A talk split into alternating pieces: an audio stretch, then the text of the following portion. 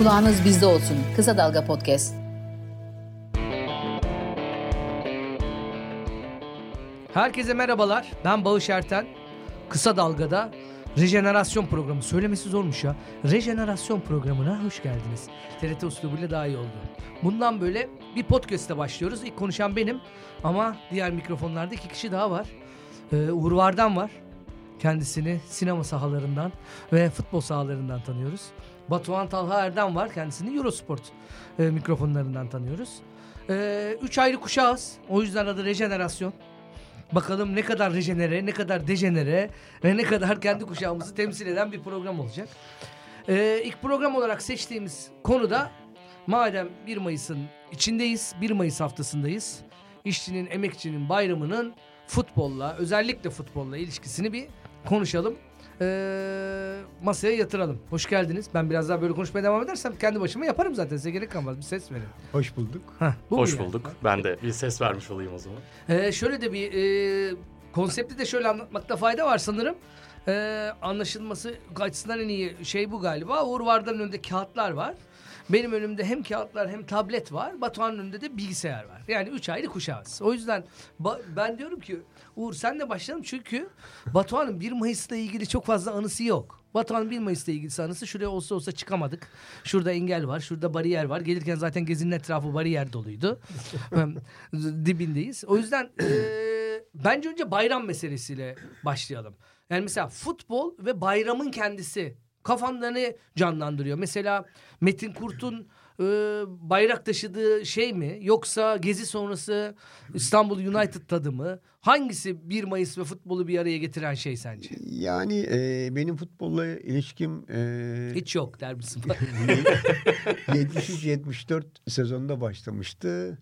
E, ama 1 Mayıs'ın şeyleri daha güçlü. Tabii e, yani bütün bu e, güzelliklerin yanında ilk şey e, kendi çocukluğuma ait o meşhur Kanlı 1 Mayıs. Kanlı Bravo, 1 güzel Mayıs. başlayalım. Bayram dedim. Adam kanlı 1 Mayıs'la başlıyor. 1970'deki o işte çok kişinin canına mal olan ve hala fail meçhul görünen aslında hani görünmeyen ama e, kayıtlardaki Faili, faili meşhur. olay. e, ben o zaman e, Arifi Öğretmen Lisesi'nde öğrenciyim. İşte dışarıdan bakıyorum. E, sonrasında e, 82'de İTÜ mimarlığı kazanmıştım. Taşkışla'da. Dolayısıyla e, işte 12 Eylül sonrası okulda dernekler var. E, bir tanesi işte en yakın arkadaşlarımdan biri hala Meltem var. E, okulda e, çalışıyorum e, döner sermayede. 1 Mayıs'a çıkarılmıyor. Dolayısıyla biz yani e, çıkıyoruz öğrenci kimliğiyle hani ne olmuş ne bitmiş diye. Polisin biri bana şey dedi. Yani sen dedi kaçıncıya geçiyorsun dedi. Abi ilk defa geçiyorum ben okula gidiyorum ya dedim. yani işte yani çıkan var mı, yani eylem var mı falan onlara bakıyoruz. Ee, sonrasında e, gazetecilik hayatında bu kez tabii o zamanlar e, Twitter yok, sosyal medya bu kadar yok. Telex'lerle geçiyor. Telex'in başına geçiyorsun. İşte şurada olay olmuş mu tık tık tık bütün Türkiye'den şeyler geliyor. Ha bir tür e, şey Lan- gibi. Yalnız programın başındaki espri doğru çıktı. Ee, Telex, e, telgraf notlarıyla gelir dedik. Tel, telex Evet, notlarıyla geldi adam. te- ya ben 89'da başladığımda Bir podcast programında ilk defa telex geçmiş olabilir. Bunu tarihe not olarak düşelim bence yani. İki ayrı teknoloji. Ben başladığımda daktilo vardı. Gerçekten daktilo ile girdim ben. Ee, yıl sonuna doğru bilgisayarlar geldi. Öyle eğitilmiştik işte şeyde basındaki tarihimizde. Ee, dolayısıyla hani benim şeyimde hani bir dışarıdan baktığım acılarıyla bildiğim bir 1 Mayıs. Sonra buralara gel- gelip şey e, hani öğrenciyken tanık olduğum 1 Mayıs. Ee, bir de Akif Dalcı'nın öldürülmesinin e, olayı var ki o gece Nedense gene sinema tutkusu yasaktı. Ee, hiç unutmuyorum. Ee, Harbi Aslı şeye gitmiştim doğum günü 4 Temmuz'a. Birden e, bütün o gün boyu yaşanan şeylerin de etkisiyle belki hüngür hüngür ağladım şeyde. İşte Hollywood stüdyosunda ideolojik olarak çok sevmem ama e, sonuçta Amerikan solunun iyi yönetmenlerinden Oduncu solcu biri. olsa da biraz diyorsun. İşte şeyin e, Ron Kol- Kovich'ti galiba bir Vietnam gazisinin hikayesini Bak anlatıyor. Batuhan sakın düşme. Galiba diyorsa kesin odur. Kesinlikle. Senin tabii. sen saçmala diye atılan paslar bunlar. Ee, vesaire. Ee, günümüze gelirsek e, biz Sinema Yazarları Derneği olarak e, hani legalleştiği dönemlerde e, yürümüştük. İşte pankartımızı da sabahtan alıyorduk. E, sonra tekrar yasaklandığında da hiç unutmuyorum. E, gazeteci kimliğiyle hani gene alanlara çıkayım diye Şişli'de Erkan Aktu o zaman radikalliydik galiba. Muhsin Akgün. Üçümüz gittik. Yani şey bir gaza başladı polis. Orada e, ne, ne fırın yani ünlü bir zincir var ya.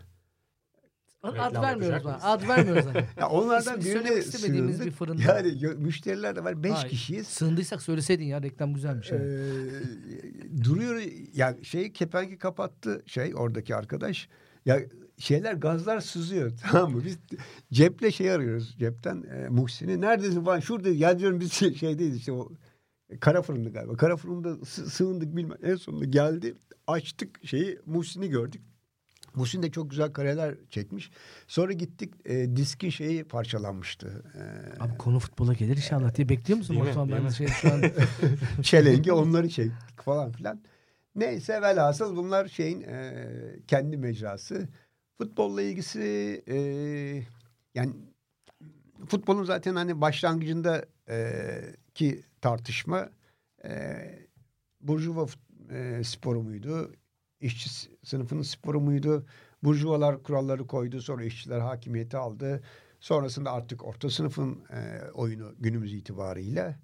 E, bu zaten hani yaklaşık 150 yıllık bir süreç. bunlara Bunlar gireceğiz. Peki gireriz. bayram deyince hakikaten merak ediyorum. Kuşağın e, e, diğer tarafına dönelim. Batuhan sende var mı ya? Bir, 1 Mayıs 1 bir Mayıs'la şey. Evet, ilgili 1 bir- Mayıs bayram. Tatil olması dışında seni ilgilendiriyor mu 1 Mayıs? Ya hiçbir şekilde yani bizim dönemimizde zaten öyle bir olay olmadığı için hani 1 Mayıs'a giderken hem senin en başta bahsettiğin gibi aslında e, orası kapandı, burası kapandı, yollar kapandı, şuraya ulaşamayacağız. O gün çıkmayalım o zaman e, tadında geçiyor daha ziyade yani şu anda 1 Mayıs'lar. Sen bizim Eurosport ofisin Elmadağ dönemine de denk gelmediğin için Elmadağ ofisi için çok önemli bir şeydi. bu. Harbiye. Biz- Harbiye'de. Bir, bir iki defa geldim Yani oraya 1 da. Mayıs'ta biz bütün spikerlere valilikten kağıt çıkarıyorduk. Bunlar Ya ben, yayına gidiyor tabii, diye. Şeyi yani araya gireceğim. Şeyi unutamıyorum ama Gezi'nin ilk e, hani e, kıvılcımının başladığı gün e, gittim ben şeye Gezi'ye. E, gazlama başladı. Eurosport'a sığınacağım. Bağış'ı aradım. Bağış dedi abi ben Azerbaycan'dayım. Ama çocuklar bir oda. tabii tabii. Ben gezi gezi anısını ayrıca şey yapmamız lazım. Ben o gece azar yer 30 eee, şey günü eee, Hazır, e, Mayıs. 30 Mayıs yok 31 Mayıs günü. Yani 28 Mayıs. Yani 31 Mayıs günü e, Azerbaycan'dan direkt şeye barikata inmiştim. Öyle bir de. Ama Helikopterle falan. Yani neredeyse. Hatta işin değişeceğini o gün şunu anlamıştım yani. Konu burada nereden niye geldik biz futbol programı olarak başladığımız yere bak yani. Ee, Elmadağ'dan yürürken polisler orada ya- ya- yerde yatıyordu. Ben şeyle geldim. Ee, hepsi böyle orada böyle serilmiş bir halde bekliyorlardı bir gece evvelin bütün şeyle. Bunlar gitmeyecek abi bunlar gitmeyecek diye senin şey yapıyorlardı. Söyleniyorlardı yani. Ben Zaten barikata ben direkt çıktığımda da kazanacağız galiba diye girdim şeyde ben. tam sizin o şeyde küçük merdivenlerde dinleniyordu. Tabii tabii oralar bir öyleydi. Ee, peki 1 Mayıs senin için bir anlamı var mıydı bayram? 1 Mayıs'ın yok ama yani Gezi'de bizde şey var. Yani en ge- 1 Mayıs ruhunu yaşadığımız yer herhalde bizim jenerasyonun Gezi'dir herhalde yani o dönemde. Peki sen orada futbol taraftarlarının şey tarafında mıydın, üniversite tarafında mıydın? Üniversitede değildim ben lisedeydim o zaman. Eyvah. Jenerasyon işte. Kimlerle program yapıyoruz? ben lisenin lise 2'deydim tabii Ha. o zaman.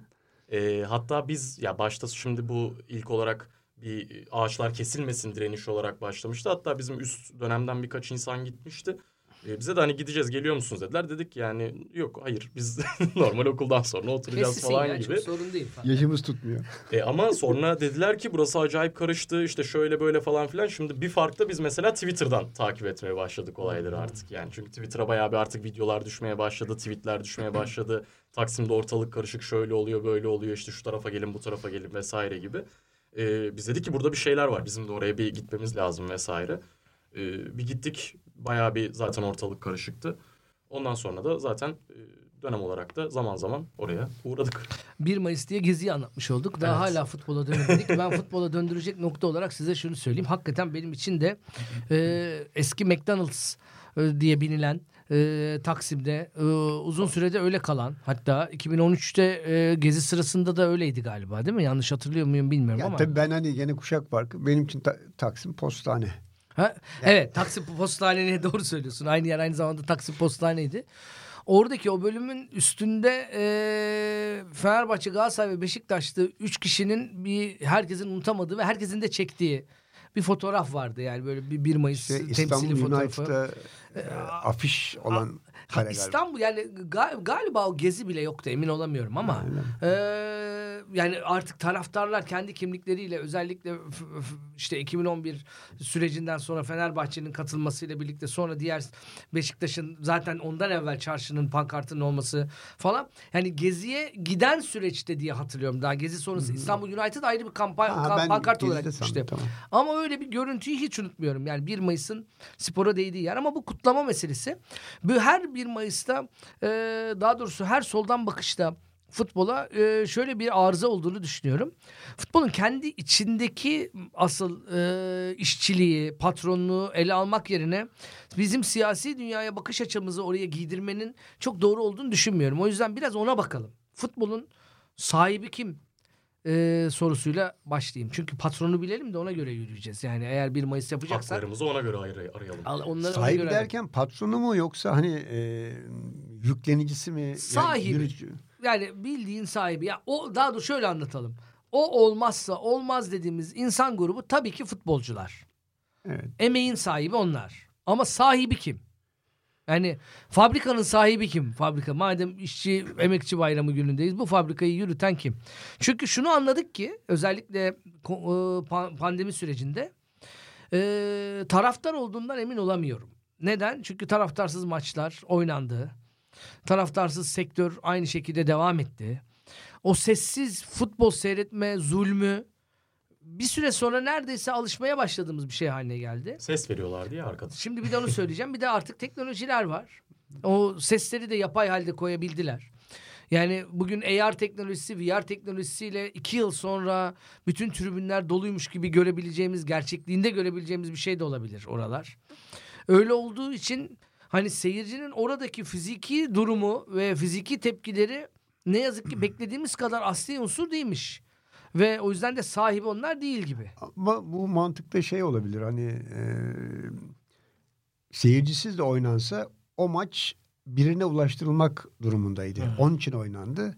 Bu da herhalde ister cep telefonundan izlesin, ister ekrandan izlesin. Bunu izleyen seyirci gibi gözüküyor. Şimdi böylece geldik ikinci bölüme bir çekim vasıtasıyla kameralar vasıtasıyla iletilen insan aslında galiba şu anda Zaten bugünün hani futbolun futbolun sahibi. gelişiminde de en büyük şey yani Türkiye için söylüyorum. e, e, kitleselleştiren şey e, 1974 Dünya Kupası ilk kez TRT'nin siyah beyaz yayınladığı Bilirsin Batuhan. Tabii hatırlarsın. tabii hatırlarım hatırlarım. İyi çok acayip bir dünya kupasıydı o. İnanılmaz futbol oynanıyordu o zaman. Herkes oynuyordu ki bazılarına total diyorlar. Ee, e, yani şeyler idealde seyirci gösteriliyor sahibi. Fakat o seyirci ki e, işte özellikle günümüz seyircisi e, Twitter e, başında üçüncü haftada bunu satın, şunu alın. İşte bu hemen gitsin. Bunun ne işi var falan diyerek e, aslında hani takımı biçimlendirmeye çalışıyor ama e, doğrusu o futbolcular için e, hiçbir zaman şey e, direkt e, bir bedel ödemiyor. Ödediği bedel de şu işte modern futbolda işte geçmişte o retro formalar zaten doğa, doğal retroydu. Çünkü bir tane alabilirdin hayatın boyunca. Şimdi her sezon yeni forma çıksın ki satış e, e, gelir sağlansın.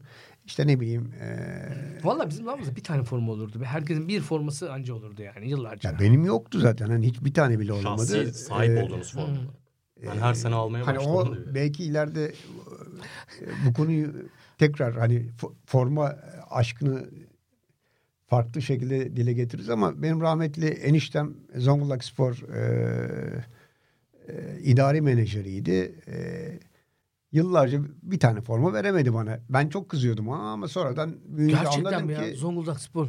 E, İdari menajeriyken bile. yani çünkü Yavrum, ya o zaman bunlar. iki tane üç tane formaları bunlar, var. Yıka zimmetli. yıka tekrar giyiyorlar. Yani bana nereden verecek formu ya? Ben çocuk aklımda bir tane formam bile yok diye. O yüzden belki de bu saplantı haline dönüşü biliyorsun. Hani senin de katkılarınla bugün eee, bir hayli Psikanalize var. başladık. Uzan Tabii. buraya da biraz ama bak o gün o formayı vermediği için arkadaşın akıl almaz bir forma koleksiyonu var. Peki hakikaten senin baktığın yerden Batuhan şunu merak ediyorum. Madem birazcık kuşakları da birbirine çatma derdindeyiz bu programda. Şimdi eee, seyircinin bu kadar şekillendirdiği bir fabrika var mı tüketicinin? Mesela şey düşünelim atıyorum bisküvi fabrikası eee bisküvinin tadını satın almıyordur al- alıyordur. Ama a- demin söylediğim gibi yalnız o kadar çikolata konur mu ya? O aşçıyı bin kere değiştirin dedik size falan. Bun- Bunlar çok bildiğimiz şeyler değil ya. Bu kadar Fabrika istifa. Fabrika. fabrika Ya bu kadar müdahil olunabilen, bu kadar herkesin gözü önünde yapılabilen bir şey olduğu için sahiplik meselesi bence çok karışıyor hikayede. Yani o yüzden de mesela sıkı taraftar diyor ya kendisi hiç kimse Zaten şey... işte her kafadan bir ses çıkıyor. Tanımı o kadar uygun ki yani. Eh, Zaten şey bile değil mesela taraftar için futbolun sahibi seyircidir diye bir slogan yok. Futbolun sahibi taraftardır diye bir slogan var zaten. Doğru. Yani. doğru. O taraftan da bakmak lazım ona. Ee, öyle mi belki bu bugün? Yani mesela senin için sen ne kadar e, tribüne gidebiliyorsun? Abinin dediği gibi idealinde öyle. Ama şu anda tribüne ne kadar gidebiliyorsun dersen ya pahalılık şu anda ekonomide çok ciddi anlamda etkiliyor. Yani en basitinden bir öğrenci harçlığını biriktirip şu anda maça gidemiyor kolay kolay. Ya Bak bu konuda gün- bak bu konu iyi bir konu çünkü ne Uğur'un bu konuda çok bilgisi var ne benim bilgim var. Biraz burayı açsana. Niye? Biz çünkü basın Siz- tribüne gidiyoruz. hem basın tribünü Gerçi ben 3 yıldır gitmiyorum ama Ben- gene ben- de- ben de sayende bir defa gittim basın tribününe güzel bir tecrübeydi tabii Ama de. hakikaten bir, bu, bu- şu gerçekliği bir daha bir söylesene. Çünkü tam da bunun konuşabileceğimiz günlerdeyiz. Yani e, hakikaten Türkiye'de futbolu gerçekten şu, şu anda en çok seven yaş grubu ne olursa olsun dünyanın her yerinde böyle de Türkiye için geçerli olan bir şey değil. Yani 9 ile 17 yaş arasındaki insanlar nasıl gidecekler bunlar ne kadar oldu ne nedir biletler herkes. Ya ben mesela e, ilk maçıma 13 yaşımda gitmiştim. Biraz da geç de gittim aslında. Yani bir futbol sever olmama rağmen. Abim hatta çekip götürmüştü beni. Beraber gitmiştik. O zaman yanlış hatırlamıyorsam 2009-2010 sezonunda biletler 25 lira civarıydı ki bu zaten yani yeni açığa gitmiştik. Beşiktaş maçıydı. Takımımız da burada şey yapmış olalım madem. Ee, yeni açığa 25 liraya gitmiştik ki o zaman 3 kişi gitmiştik. Bunu gayet kolay şekilde sağlayabiliyordu insanlar. Yani bununla alakalı bir sıkıntı yoktu. Ama şimdi bugün mesela e, hatta bir de Galatasaray maçına gitmiştik. Yanlış hatırlamıyorsam 35 veya 40 liraydı. Arada bir 15 liralık falan bir fark oluyordu. Ama bugün e, hatta geçen gün e, dün Beşiktaş Galatasaray maçı vardı. Onun biletleri çıktığında kapalı üst 1400 lira. E, yanlış hatırlamıyorsam yeni açık eski açık tarafı biletleri de 450 liraydı. Yani şu anki ekonomide zaten bilmiyorum ben gerçi artık şeyi de takip edemiyorum. Ekonomi 3 kişi 450 lira eder sana 1300 lira. 1350 lira. 1350 lira yemeğini de yedin. Ya şunu da takip edemiyorum. Şimdi o taraftan da bir bakış atmış olayım. E, hatta belki şöyle biraz daha küçük biri olsa belki daha güzel anlatabilirdi ama ya ben mesela liseye giderken 50 lira harçlık alırdım haftanın başında ya da 100 lira alırdım ve bir hafta boyunca yeterdi. Şu anda ben şeyleri anlayamıyorum. E, bir lise öğrencisi acaba ne kadar harçlık alıyor? Ne kadar birikim yapabiliyor? Ne kadar parası sağa sola gidiyor? Çünkü dışarı çıktığımızda biz e, 100 lirayı bitiremezdik. Ama şu anda zaten bir öğün yemek yediğinde 100 liradan fazlası gidiyor. Aileler, orta sınıf aileler bunu nasıl karşılayabiliyorlar bilmiyorum. O yüzden taraftarlık tarafında da yani her ne kadar genç kuşak buna sahip çıkmaya çalışsa da bir noktada hayatın gerçekleri var. Ve bu ya ister istemez onları engelliyor. Ee, Yani 3 kişilik bir ailenin 2500 lira bir maça vermesi, bir ayda da iki tane iç saha maçı olması 5000 eder. Ee, soğan politikaları gereği nerede asgari ücretin yarısını e, bir futbol maçına verebilecek bir ailenin kalmadığında. Peki şey var mı hala? Gene tam şey ben de iyice yaşlı tribüne girdim ha. Ee, çocuklar gelir kaynatırdı eskiden. nasıl kaynatırdı? Ee, Uğur anladı hemen böyle küçük e, 10 yaş civarı çocuklar maça girebilmek için abi beni maça soksana derdik. Ha, o yok. turnikeye beraber girerdin. Yok zaten çift turnike diye bir şey Evet, kalmadı yok. Pasolik'ten sonra. Niye gene sar Çift oraya turnike ya. ben son zamanlarına denk geldim artık. Hani Pasolik ne zaman geldi? 2013'te mi? 2012'de Ya en, en büyük şey hani şeydi ikinci yarı kapılar açılsın. Tabii. İkinci yarı kapılar açıldı. ben Neşetel Samax maçını hatırlıyorum ya. İkinci yarı kapılar açılınca neler girmişti içeri yani. Galatasaray Samax Allah maçında. Tabii tabii. Ama sizin zamanınızda şey de anlatılır zaten. Geceden kuyruk beklemeler. Onlar da vardı. Tabii. Şimdi ama o zaman buradan şuraya geçelim. Şimdi bu konu buradan çok dağılır. Birazcık sinema versiyonuna geçelim. Beyefendinin de alanı. Bir Şimdi şey yakın diyeceğim, zamanlarda Sinemada da aynı problem var. Yani e, mesela son günlerde birkaç yazı da var. e, bilet fiyatlarına mukabil düşen seyirci sayısı. Ama mesela sinemada şöyle bir çözüm var. Bu genç kuşak e, çok zeki ve e, yaratıcı e, meselelere hakim olduğu için Korsan diye bir şey var. korsanla işte torrentle şunla bunla meseleyi hallediyor. E, futbol ama tabii sinemadan farklı olarak anında yaratılan bir sanat olduğu için eğer orada olmak istiyorsan olmuyor. Belki şey işte orada da e, şimdi isim vermeyeyim korsan yayınlar var. Evet yani yayında izlemek mümkün ama şey e, çok e, cazip değil bence. Ne olursa olsun. Yani herkesin unutamadığı an şu değil mi? Hangi maça gidersen git, hangi yaşta gidersen git, hangi sıklıkta gidersen git. Merdivenlerden çıktığında yeşil sahanın görüldüğü an. Evet. Yani onun e, bir eş değeri yok. Yani ne Ya televizyon. yok ama mesela yeni stat e, formları e, yeni stat mimarisi o zevki de bence elden alıyor. Çünkü zaten havadan giriyorsun tam göremiyorsun bilmem ne hani e, ben en son hani eski İnönü'nde bunu hissederdim. Bu dediğin çok doğru. Hatta bak bunu tam bu şeye de getirebiliriz. İngiltere'ye referans vererek yapalım. Biz Banu ile Veni Vidi Vici programı yapıp e, herkesi kıskandıracak statları gezerken Arada forma alırken. Ee, arada sana da forma alırken burada en çok deneyimlediğimiz şeylerden bir tanesi şu olmuştu özellikle İngiltere'de. İngiltere'de büyük takımların maçlarına gitmenin çok zevkli olduğunu söylemek çok e, emin olduğum bir şey değil. Mesela Chelsea'nin stadı eskiydi. Hala da çok yeni değil yani sadece eskiyi büyüttüler Stamford Bridge'i. Orası daha iyiydi. Ama e, Arsenal en fazla seyirciye sahip taraftara sahip takımlardan bir tanesi olarak gördüğüm en tiyatroya benzeyen e, tribündü. O kadar da özenle özene bezene yapmış olmalarına rağmen yeni stadı. O yüzden biz İngiltere'de alt lig maçlarına gitmiştik. Ve mesela QPR, Brentford falan muhteşemdi. Yani QPR hatta e, ya bu takım ne güzel tutulur ya psikolojisi yaratacak kadar güzeldi. Yanlış hatırlamıyorsam Brentford'un dört taraf, tarafında dört tane patlo, pub olmasıyla ünlü falan bu, bu, bu yani öyle güzel atmosferlerdi ki orada o gerçekliği yapıyordun. Orada neyi e, daha çok hissediyordun biliyor musun? O şimdi senin notların arasında da olduğun için oradan pası vereceğim. The Game filmiyle dizisiyle daha doğrusu The Game miydi? English Game. English Game dizisiyle David Fincher beni aldı. E, o şeyde dizideki atmosferi en, bugünlerde yakalayabileceğin yer hep alt ligler oluyor. Hala da öyle olabilir. Ama Türkiye'deki e, bazı eski statları yakalayabilirsek Türkiye'de de aynı tadı Vallahi, e, alabiliriz. şimdi şöyle bir problem var. Biz e, birkaç hafta önce sevgili Metin hocamızın, Metin Yıldız'ın çalıştırdığı Gebze Spor'un şampiyonluk yarışındaki e, sondan üçüncü maçına gittik. E, kendi mahalleme çok yakın e, Feriköy'de. İşte Kenan Başaran, Cüneyt Muharremoğlu gittik. E, yol kenarında da Gebze Spor taraftarı olduğu için hemen oraya girdik. E, 38. dakikada 3-0 öne geçti Gebze Spor. Her şey çok güzel gidiyordu.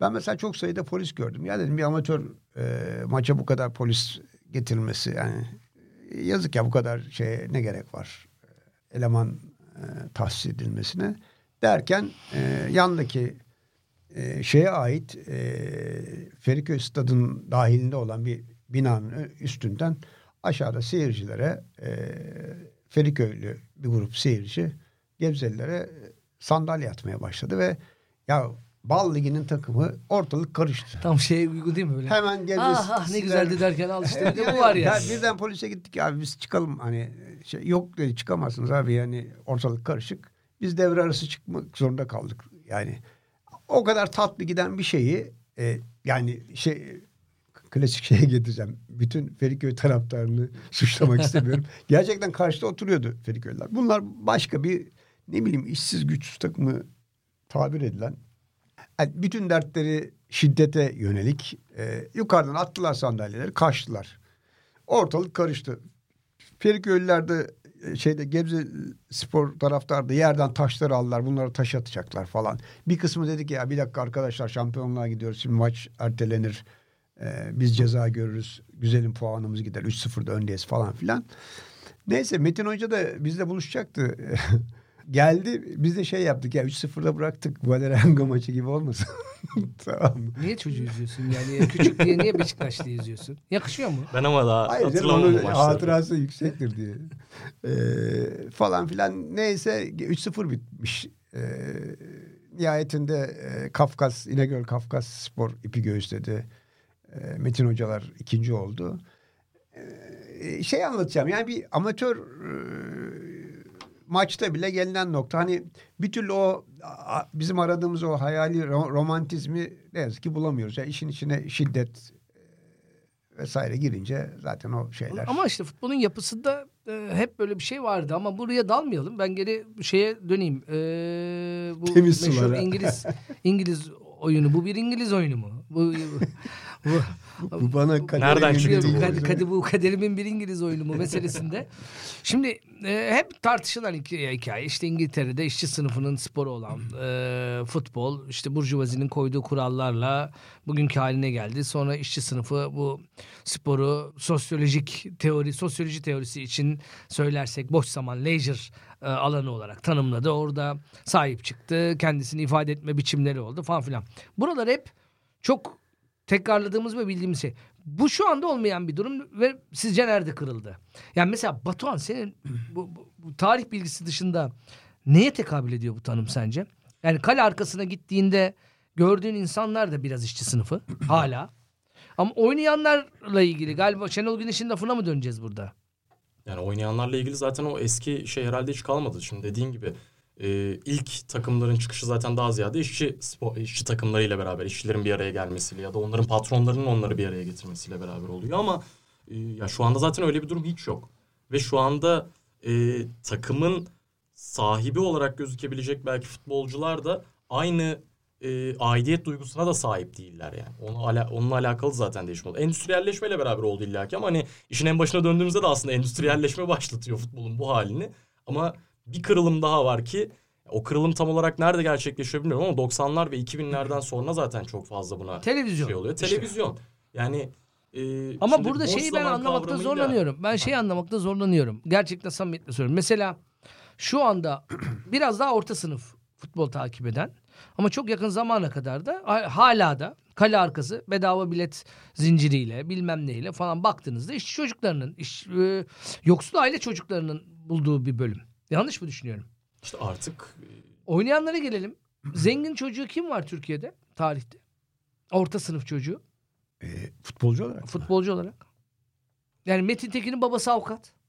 Hatırladığın. O Yani da Can eski. Bartu olabilir diye düşünüyorum eskilerden. Hani Ama emin değilim şimdilerden. ama. Şimdilerde de hala bu spor emekçi çocuklarının oynadığı bir oyun. Yani neyi o kadar değiştirdi yani artık ne o kadar değiş değişen tek şey ortada dönen bir acayip bir para. Evet. Çok büyük bir zenginleşme yaratan, e, haksız zenginleşmeye dönen artık futbolcular ve e, bu parayı nereye harcadığı belli olmayan kulüpler. Buradan şöyle vereyim pası. Puşkaş'ın e, nefis bir e, deyimi var. Ben çok beğendim. E, her yerde de kullanıyorum. Bunu Ruggan Taylor Liverpool'da Futbol Araştırmaları Enstitüsü e, müdürü Profesör Ruggan Taylor söylemişti. Siz söyleşi yapmışsınız galiba. Evet. E, small money, small football. Big money, big corruption. Denklem bu demişti. Yani küçük para, küçük futbol, büyük para, büyük yolsuzluk.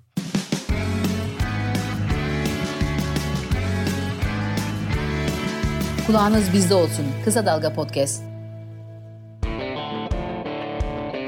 Yani gelinen noktada da e, herkesin asabını bozan o büyük para bu işin artık böyle sınıflar e, açısından baktığında zenginlere ait olması sahiplikle o paranın döndüğü dünya ile ilgili bir şey. Futbolun asıl kütüğü hala onlarda değil ki. Yanlış mı düşünüyorum? Kafaları karıştırdım mı yeterince? Yani tam da katılamayacağım çünkü bence e, imkan eşitsizliği de ortaya çıktı artık belli gruplarda. Tamam orta sınıftan çıkmış gibi gözüküyor belki de futbolcular ama biraz daha aşağı indiğinde artık o daha aşağıdan çıkan pek fazla kimse kalmıyor gibi bana kalırsa. Ya ben ondan şundan dolayı emin değilim ya. Bakın şey düşünelim. Bugün 17 16-17 yaşında futbolcu olup olmayacağına karar veriyor çocuklar değil mi? 16-17 yaşında da üniversiteye gideceğine karar veriyorlar. Bir ailenin ne kadar futbolcu olmasını desteklerse desteklesin bir ailenin çocuğuna eee, nereye yönlendirilmesi konusunda fikir verirken eğer bir eğitim hedefi varsa bunu karşılayabilecek bütçesi daha orta sınıfa yakınsa kültürel sermayesiyle no, e, maddi sermayesi 3 aşağı 5 yukarı orantılıysa kim çocuğunu futbolcu yapar? Yani şu, iddiayı Türkçeleştireyim mi? Messi bir orta sınıf ailenin çocuğu olsaydı oğlum zaten büyüme problemim var. Gideceksin hukuk fakültesini saçmalama. Geç hukuk fakültesinde oku denirdi bence. Bu ancak ve ancak hayatında başka bir yolu izleyemeyecek insanların yaptığı bir spor hala. Yani şunu söyleyeyim. Benim çok yakından deneyimlediğim bir şeydi. 17 yaştayken 15 yaş altı takımındayken Sabri'yi görmüştüm ben ilk. O Sabri'nin takımında Sabri Sarı'nın olduğu Sarıoğlu'nun olduğu takımda o takımın eee, jenerasyonun ismi Sabri değildi. En iyi oyuncusu da Sabri değildi. Ondan evvel 3-4 tane oyuncusu vardı o takımın. Bilmem nelerin takımı deniyordu. Bilmem. Aralarından çıkabilen Sabri oldu. Çünkü en dirayetli, en çalışkan, en odaklanmış. Bu yoldan başka bir yolu olmadığını düşünen insan olarak. Belki ötekilerin mevkisinde daha iyi oyuncular vardı. Yok, biri defansif orta sahaydı. Hatırlarsınız Gençler Birliği'nde falan oynadı. Doğa. Ha Doğa Kaya. Doğa Kaya. Beşiktaş'a bile geldi değil mi bir dönem? Geldi miydi? Yok, Eskişehir'den hatırlıyorum. Eskişehir, Ha, Eskişehir'e geldi. Ha Eskişehir. Ha şeyle hatırlıyorum. Yusuf ona Aynen, çalım Yusuf üç attığında defa çalım atmıştı. Doğan'ın dengesi bozuldu. Orada Beşiktaş'a bir gelmişti işte şöyle. bu. Ama işte mesela Ama o onun Doğan'ın o, kariyeri fena değildir canım. Ha, tamam Yani. bir Süper Lig'de oynadı falan filan ama Doğa Doğa o takımın doğalar. Doğa bir doğa geliyor takım. O, o- Doğa en. evet. Ne diyorsunuz? Ya Konu aldı yürüyor. şeyi bilmiyorum ama e, ben hani gene kişisel bakacağım. Yani benim e, okuduğum lisede eski köy enstitüsünün devamında çok güzel bir saha vardı ve ben zaten e, o sahayı gördüğüm için ben burada futbolcu olacağım diye e, devam etmiştim. Yoksa Bursa Erkek Lisesi'ne gidecektim. E, o kadar güzeldi ki o zamanın şeyi Sakarya Sporu hazırlık maçlarını bizim e, sahada yapardı. Gerçekten mi? E, çünkü Türkiye'de zaten çok yeşil e, saha yoktu. Bizimki yeşildi ve Adapazarı'daki şey Sakarya'nın stadı ay, leş gibi bir zemini vardı. E, şimdi orada ne maçı olursa olsun e, teneffüste şurada burada dersi olmayanlar yavaş yavaş birikir ve bir topluluk oluştururdu. Şeye bakalım mahalle maçlarına bakalım geçmişin. Orada da aynı mantık vardı. Ben şey hatırlıyorum e, dayım e, Etiler'deydi. E, öğrenciyken onu ziyarete gittiğimde evde yoklarsa e, Ak Merkez'in bulunduğu yerde bir saha vardı. Orada da amatör maçlar oldu ve tıklım tıklımdı. Dolayısıyla biz futbolda Hmm, hani ister iyi yani. Liverpool'u seyredelim isterse oradaki bir amatör takımı. Güzel olan oyunun doğası ve bizim onu seyretme azmimiz. Fakat iş e, Şimdi laboratuvarda üretiliyor futbol. Gerçekten öyle. yani. Haaland mesela büyük ihtimalle bir laboratuvar Tabii ürünü yani. Şimdi e, demin senin bahsettiğin o endüstrileşme aşamasında e, şimdi e, artık Türkiye'de eni konu yani zaten dünyaya çok açılmış durumdayız. Yani bu e, ça- çağın gereği. Dolayısıyla herkes mesela yorumcusundan en sıradan taraftarına kadar herkes ağzını açtığında o dönemin e, kült takımı neyse işte Barcelona mı işte City mi? City mi bilmem onun üzerinden okuyor ya oyunu. Dolayısıyla o kadar olmasak da bir alt kümede kendimize bir yer arıyoruz. Dolayısıyla o aradığımız yeri belirleyecek futbolcu kaliteleri lazım. Dolayısıyla işte hani geçen yıl Napoli'de e, ikinci yarılarda giren Mertens'i alıyoruz. İşte ne bileyim ben e, iyi kötü bir e, kariyer olan Valencia'yı alıyoruz. Dünya Kupası'nda bitik bir maç da olsa Brezilya'ya gol atmış ve eski sevdalımız olan Abu Bakar'ı alıyoruz. Ve bunların da birer bedeli var. Dolayısıyla bu bu şey bizi hani o endüstriyel tanıma itiyor. O takımları, o futbolcuları izlemek için para vermemiz gerekiyor. Ama öte e, yandan onlar olmasaydı biz gene bu ligi devam e, seyretmeye devam edecektik. Yani bu paraları ödemeden daha alt paraları ödeyerek ama işte o bizim çocukluğumuzdaki gibi daha ilk turda şu anda, şu anda da öyle. Şu anda dönem parayla alınan başarılar 1980'ler seviyesine indi valla. Bu, bu, bu aslında e, epey de zaman bu- bu- aldık. Bu, burası iyi bir yermiş. Yani biz işçinin, emekçinin hikayesi diye geldik ama en azından son bölümde yani birazcık daha süremizin azaldığı bölümde şunu da konuşarak bitirelim. Ee, gene bir algı meselesiyle ilgili algı operasyonundan bahsedeceğim size falan diye. bu Fenerbahçe üzerindeki algı operasyonu 3 Temmuz'dan veriyoruz. o yani. değil, o değil, o değil. Ee, şöyle bir e, algı var ya, demin programdan hemen başlamadan önce sen söylüyordun Uğur, sana oradan pas atayım. Taraftar kendisini olayın sahibi olmakla birlikte gidip kendisini fabrikatörle eşleş- özdeşleştiriyor. Evet. Ve fabrikayla özdeşleştiriyor. Yani mesela en çok çalışan işçi haklarını en çok savunan bir o, o- oyuncudan hiç haz etmiyor. Gereksiz konuşuyor yani. Taraftar da büyük- büyük- böyle büyük e, camiamız işin varken- emekçisi de yani bizim mesleğimiz emekçisi muhabir de e, kendi e, gazetesinde yansıttığı haberinde işte e, Abdullah Avcı Beşiktaş'tan ayrılıyor. Alacakları var. E, niye aldığını sorguluyor. Ya İnsan bu parayı almaz falan. sen kendin emekçisin ya. Seni gazeteden atsalar bunu sorgulamayacak mısın? Sen bir anlaşma yapmışsın. ya da birisi senin hakkında şey yazsa tazminat alıyor ama hiç boş boş haberler yaptı yani hiç de öyle olmadı Yani falan. şey e, e, zamanımız daralıyor. Ya bence bu çok şey hani e, aslında orada Gir gir, e, daha var. pa- patron şey hani e, genel bir kulüp yapısı ya da bir şey işte aidiyetlik merkezi. Ya kimse Beşiktaş'tan büyük değildir. Kimse Galatasaray'dan, Fenerbahçe'den, Trabzonspor'dan şundan bundan büyük değildir. E, söylemi. Dolayısıyla bir de hani eskiden de şey vardı. Kimsenin parası bu kulüpte kalmaz. Dünyanın en büyük Ki neler neler kaldı yani. Ee, dolayısıyla hani eğer e, faal anlamda bu e, şeyin denklemin gerçek emekçisi futbolcu işte ne bileyim antrenör e, Malzemecisi. malzemecisi Neyse, işte bütün o emek sarf edeni yani. vesaire bilmem neyse önemli olan bence bunların hakları. Ama bu sistem öyle bir sistem ki hani sen başarılı addedilmiyorsun. Üçüncü haftada, dördüncü haftada git. İşte sakatlandın git. E, Ne bileyim ben formsuzsun git. Dolayısıyla e, giderken de bunları bırakman lazım. Çünkü burası kutsal bir şey, merkez. Buranın kutsiyeti çok önemli. İşte ardımızda 20 milyon, 30 milyon bilmem kaç milyon taraftar var. Sen kim oluyorsun ki bir noktasın.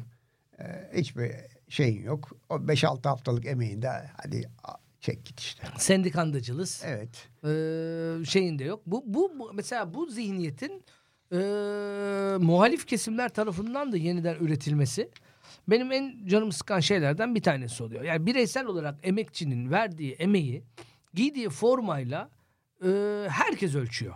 Yani bunun sağ solu olmuyor çok garip bir şekilde. Yani e, polemik yaratacak bir şey söyleyeyim. Arda Turan'ın bugün geldiği noktayı bu onun getirdiği bu ne diyeyim puslu dünyayı yaratan en az kişinin Arda Turan olduğunu düşünüyorum. Yani bu geldiği profilde Arda Turan gibi bir insanı bu hale getirenin Türkiye'deki futbol kültürü ve buna dair şey olduğunu da, da Arda Galatasaray'dan giderken sıklanıyordu. Tugay da Galatasaray'dan giderken sıklanıyordu. Bunlar sembol isimler olarak söylüyoruz. Yurt dışına gittiğinde başarılı olduğunda bambaşka bir şey oldu. Dünya- sonra o işte çıktığı bölgeden kendisinden çıkmayan o çıktığı bölgenin kabadayılığı gelip ona oturduysa o kültür ona hakim olduysa bunun onunla ilgisi olduğunu düşünüyorum ve bu demin söylediğin şeyin yani o hayali cemaatin aidiyetin camianın bunun böyle bir milliyetçi faşizan tavır olarak futbolun içinde kalması nedeniyle de bu insanların bireyselleşemediği kanaatindeyim ben şahsen. Bu teorik bilgiler konusunda bu Batuhan Bey sizin Neler diyorsunuz falan. Beşiktaş'ımıza puanları geri vereseydi biz şampiyonla oynuyorduk diye Oraya bağlayabiliriz. değil mi? Bir anda oradan geliyormuşuz o şekilde. Ee, ya aslında ne diyeyim falan. önceki... Yok ben daha önceki şeye de bir ekleme yapacaktım aslında. Onu şimdi fırsattan istifade madem şey olmuş oldu. Ee, şimdi ben mesela şahsen 96 doğumluyum ben. Ve e, ya sokakta oynayan son nesil falandık biz yani 96-98 o civarlar aslında öyleydi. Şimdi bu konudan biraz daha bağımsız bir yere daha önceki konuya biraz daha bağlayacağım da. Ee, ve ya bizden sonrası ben 2000-2001'lileri de gördüm ama zaten çok çok azdı artık. Yani bizim mahalle biraz daha ona yatkındı futbol oynamak için. Ama e, ya çocuklar sonra sonra bitti. 2004-2005 doğumlu çocuklar artık sokaklarda oynamıyorlar. Yani şimdi az önce Uğur abinin anlattığı meseleye bağlayacağım da. e, ya artık şey yok. Futbol oynama alanı pek fazla kalmadı. O yüzden yani çocuklar çok daha fazla kendi içlerine kapanıyorlar. Çok daha fazla ve e, bunun yanında da artık futbolu oynayabilecek insanlar e, futbol okullarına para verebilen insanlar da oluyor aynı zamanda. Yani Tabii o yüzden de başka bir aslında sektörün doğmasına. evet yeni bir sektör doğuyor orada ve az önce bahsettiğimiz o hani şimdi de Burslu hala olan bir takım Evet. yetenekliler Tabii, de oradan anca öyle sıyrılıyor. tabii yani şimdi de hani artık eskisi gibi e, daha alt sınıfın çocukları çıkamıyorlar belki de belli yerlere. Çünkü kendilerini gösterme imkanı bulamıyorlar. Bazı şeylerde işte bu şekilde nasıl diyeyim e, aslında sınıflaşıyor. Böyle bir tarafı da var. Aslında Böyle, böyle, böyle bir yana böyle bir yanda hikayesinin böyle yani. tıkanıyor. Bir önceki konuya dönmüş oldum. ama- arsalar azaldı deyince aklıma şey geldi. Aslında deprem toplantı alanları kalsaydı oradan hem yani e, genel olarak deprem toplantı alanı için e, hazır bir yer olurdu. Hem de muhtemelen Çocuklar orada top oynardı ya. Hiç değilse. yeni yıldızları orada keşfedebilirdik. Ama yeni dönemde e, dikine e, şey bitti abi lütfen öyle demeyeyim. ben. Buradan hazır böyle gelmişken Demeyeyim abi. şu bence şöyle bağlayalım. Oradan oraya uçtuk. Ne kadar e, 1 Mayıs bay, bay, programı oldu bilmiyorum ama bence e, işin özüne dair çok şey konuştuğumuzu düşünüyorum. Ama şöyle bağlayalım. Önümüz seçim. 1 Mayıs'ta seçimin kazanacağını düşündüğümüz e, insan grubundan da bazı belki buna dair tam da 1 Mayıs'ı ilgilendiren bir talepler zincirinde bulunabiliriz. Bence çok önemli bir eksik olarak e, şu anda gündemde. Yani tip spor politikalarını açıklayan e, partilerden bir tanesi ama o da genel prensipler gibi duruyor. E, tamam Türkiye bir hayat memat meselesiyle uğraşıyor ama s- sporda arka kapı bu arka kapıdan giren özellikle e, faşizan değil, maço değil, er- erkek egemen değil. Bunun giderilmesi konusunda yapılabilecekler neler olabilir? Bir, iki, hakikaten futbol geniş emekçi kesimlerine açılabilme şansı kalan bir spor oldu mu? Ne bileyim yani sol iktidar olan diğer ülkelerde var mı böyle bir şey? Çok emin değilim. Biraz bunların üzerine kafa yorsalar iyi olacak. Çünkü çok arka kapı muamelesi yapıyorlar. Arka bahçe, arka bahçe bile değil yani. Arkada bir e, dikenli telli muhabbet Ya tabii oluyor. şey var mı bunun e, altında? Hani benim üniversite çağımda e, entelektüellerin futbola bakışı ve afyon olarak görmeleri ama bu e, son 20-30 yılda kırıldı. Sağ olsun bizim de içinde bulunduğumuz radikal de buna e, çanak tuttu kırılmasına. Olumlu anlamda söylüyorum. E, ya bir sürü şey entelektüel gayet hani futbolla olan ilişkisi iyi. Bilgisi, yorumu vesaire. Ee, geçmişin o soğuk duruşu yok artık. Ama e, hala tabii e, bahsettiğin gibi atılacak çok adım var. E, ya ben şeyi söyleyeceğim. Yani madem emek ağırlıklı bir program. Hani isim olarak zikretmemiz gereken bazı şeyler var. Onları Tamam da- onları onlarla bağlayalım. Tamam yani bir bir kere Metin Kurt yani. Evet. e, içinde Metin Kurt geçmeyen bir, bir evet.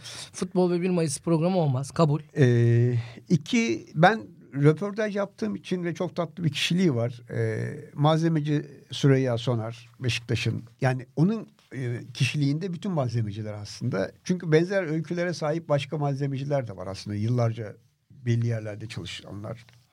Burada yeri gelmişken geçmeden Metin Kurt'la ilgili kısa bir şey söyleyeyim mi? Metin Kurt'u Metin Kurt yapan şey hep yanlış e, yanlış demeyeyim de hep başka bir yerine saplanıyoruz. Metin Kurt'u Metin Kurt yapan şey siyasal kimliği, solcu duruşu, muhalif duruşu gibi algılanıyor. Ama Metin Kurt'u bugün 1 Mayıs ve futbolu bir emek sporudur diye gösteren şey karakterli duruşuydu. Evet. Yani Galatasaray kulübünün imza at şu boş sözleşmeye dediğinde siz kim ben koyun muyum kardeşim benle karşılıklı e, görüşme yapmak zorundasınız dediği için gitti. Başka bir şey için yani ben sendika kuruyorum diye gitmedim. E zaten işte o hani şarkıdaki gibi Metin Kurt yalnızlığı yani bütün hayatı boyunca e, Yani sonra angajmanlarla başka bir şey olmuş olabilir ama asıl dert ya kardeşim burada bir emek sahibi insan kitlesi var. Bu emek sahibi insan kitlesine saygı duymak zorundasınızdı. Ee, malzemeci Süreyya senin ekleyeceğin isim var mı? Ben İvan Ergeç bu topraklarda oynadı bu konuda en fazla e, fikir sahibi olan birisi olarak onu da söylemek bir de isterim. hani doğum yerim ve zaman zaman yazılarımda konu ettiğim sevgili takımım Zonguldak Spor işçi milli takımı olarak e, Yıllarca. bir, bir aralar. Ki orada da mesela e, işçilerin e, maden işçilerin paralarından kesilirdi maaşlarından. O da bir sorun yaratırdı aslında. Hani e, gelir kaynağı onlardı ama bu, bu hani sonuçta işçiye sorulmadan gerçi işçi o zaman sesini çıkarmazdı ve benim çocukluğumda e, Zonguldak Spor lig ikinciliğine kadar yükseldi diye hatırlıyorum yani. Tabii, tabii. Bir şey bir, bir e, sezonda öyle e, bir Karabüyü de bu anlamda sayalım. O da hakikaten e, sendikasını çok yani tasvip etmesek de sendikal parasıyla Bilmiyorum o hikayelerin tam hani demir spor takımları e, sonuçta onlar fabrika takımlarıydı ama bir yanıyla, Demir yolları takımlarıydı e, doğru. e, bir de şey e, hala sürüyor mu bilmiyorum ama e, şu anda Trabzonspor forması giyen Bakasetas e, Yunanistan Futbolcular Birliği yönetim kurulunda e, ve gözümüzün önünde 3 yıldır 4 yıldır bu ülkede top oynuyor. E, şampiyonluk da gördü ama bugüne kadar ben onunla e, Bu konuyla ilgili. bu konuyla ilgili bir tane söyleşi yapıldığını görmedim. Yani o kadar ya büyük bir cevher var ön- önümüzde. Hani e, futbolcuların örgütlenmesi, birlikte hareket etmesi, e, hani akıl ortaya koymaları, dayanışma ruhu falan filan. E, ben nacizane Bilic'e şeyi sormuştum. Madem sosyalistsin senin takım espri olarak sordum. Sonra orada bence yanlış naklettiler ve sonra büyüdü iş başka yerlere gitti. Yani e, adamın e, söylediklerinden başka şeyler çıkartıldı. Hani kötü ya da şey anlamında değil yorum olarak.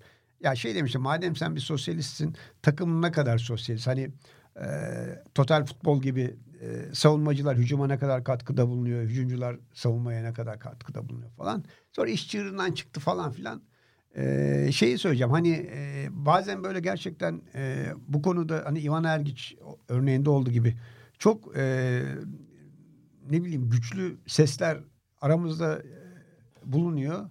Fakat o sesleri duyuracak bir şeyimiz yok. Yani ilgi alanımız orası olmadığı için. işte Bakasitas örneğinde olduğu gibi. Onların adlarını anayım dedim. Sen bir şey ekleyeceğim Batuhan. Ee, yani şu dönemde Türk bir futbolcunun belli başlı konuları konuşması zor olabiliyor ve e, ben de Umut Nahir'i burada ekleyeyim. Yani Aa, evet, evet. e, en azından belli konuları gündeme alabiliyor. Çok da güzel e, kendisini ifade ediyor, anlatıyor. E, onu Ve ge- kendi e, teknolojisiyle değil mi? tabii tabii kesinlikle. Kendi kanallarıyla. Aynen öyle. Ee, ben de onu almış olayım burada. Kendi jenerasyonumdan birine Ya, yanıma çekmiş futbolcular olayım. iyi para kazandıkları için şu anda hani şey gibiler hani emekliliği düşünmeyen hani çoğumuz öyledir yani en faal zamanımızda çok da ya, o günlere daha çok var deriz. Ee, ben yıllarca e, SSK'lı olmamıştım ne gerek var falan diye. Sonra dediler ki ya zoraki olacaksın iyi ki olmuşum diye şimdi baktığımda. evet. Şeyler hani şu anda iyi para kazandıkları için emekle ilgileri çok düşük olabiliyor şeyi. Ee, ama e, bu hayatın her alanında geçerli şey işte e, bildiğim kadarıyla İspanya'da e, Puyol'du değil mi? Şey, Hı hı, e, hı hı. Başkanı. Hı hı. Yani yok ben çok şöhretim yok işte Barcelona'nın kaptanıyım şöyleyim böyleyim falan değil. Yani sonuçta o başka bir şey yani. David Beckham'ın bir dönem Premier Lig'de iki haftalık e, grevin önderi olduğunu da unutmayalım bütün görüntüsüyle. Buradan da e, dünyanın en aslında 1 Mayıs eğer bir emeğin yüceltilmesi bayramıysa emeği en iyi koruyan e, spor organizasyonu olan e, Amerikan Basketbol Ligi olan NBA'yi çok ciddiyim bu konuda. E, kaç kere grevlerle Kişilik ve özlük hakları. kişilik yani hakikaten emeğin emeğin gücünün O nasıl bir grev şey olabileceğini Allen Iverson'ı Tabii, tabii. Oradan da o zaman onu söylerim. Bir de son, son olarak yine e, 1969'da e, o büyük kalemiyle Haldun Taner'in kaleme aldığı e, bir futbol öyküsü var Ases. Ben bunu üniversitede okumuştum. Milliyet Sanat'ta yanlış hatırlamıyorsam. Sonra yıllar boyu tekrar uğradım bu hikayeye ve bu program içinde belki hani e, özel bir şey yaparız diye düşünerek okudum. Çok muhteşem bir öykü. E, bir emekçiyi anlatıyor. Futbol emekçisini. Şöyle yani herkes hani o Sandfor'ları, yıldızları anlatırken bu Hacettepe'de oynadığını iddia ettiği kurgusal bir karakter. Bir defans oyuncusunu anlatıyor.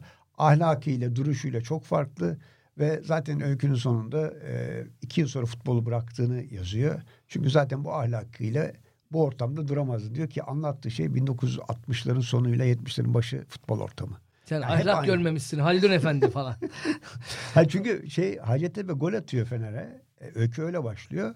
O gidiyor hayır elle at, elime çarptı diyor söylüyor.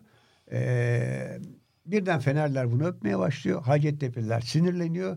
Bunun yansımalarını stat'tan veriyor, tribünden veriyor ee, rahmetli Haldun Taner. İşte diyor ki evet elleydi diyor vakur bir seyirci ama Toto'yu yatırdı diyor. Ee, böylece bu programın ilk programın sonuna gelmiş olalım. İçinde Liverpool geçmeyen, e, Evet. bizi klişelerle Adana Demir şimdiden vesaire. Demir Spor dedik Adana Ufak- demedik ufak sen en dedin azından. sen dedin. Livorno nerede? Livo, ha, Ham'lar. Bildiğimiz o klişelerin hiçbirine değmeden bir 1 Mayıs futbolu Ama bu sonradan değmeyeceğimiz anlamına gelmiyor. gelmez. Ama bunu Biz bir 1 başardık. Mayıs özel programı mı çeksek acaba sonra? Ama bunu başardık. Altını imzamızı atalım. Böylece başka yerden de bakılabileceğini gördük. Ee, hep beraber teşekkür ediyoruz o zaman bizi dinleyenlere. İlk programın günah olmaz diyelim. Evet. Teşekkürler. Lig uzun maraton. Önümüzdeki maçlara bakıyoruz.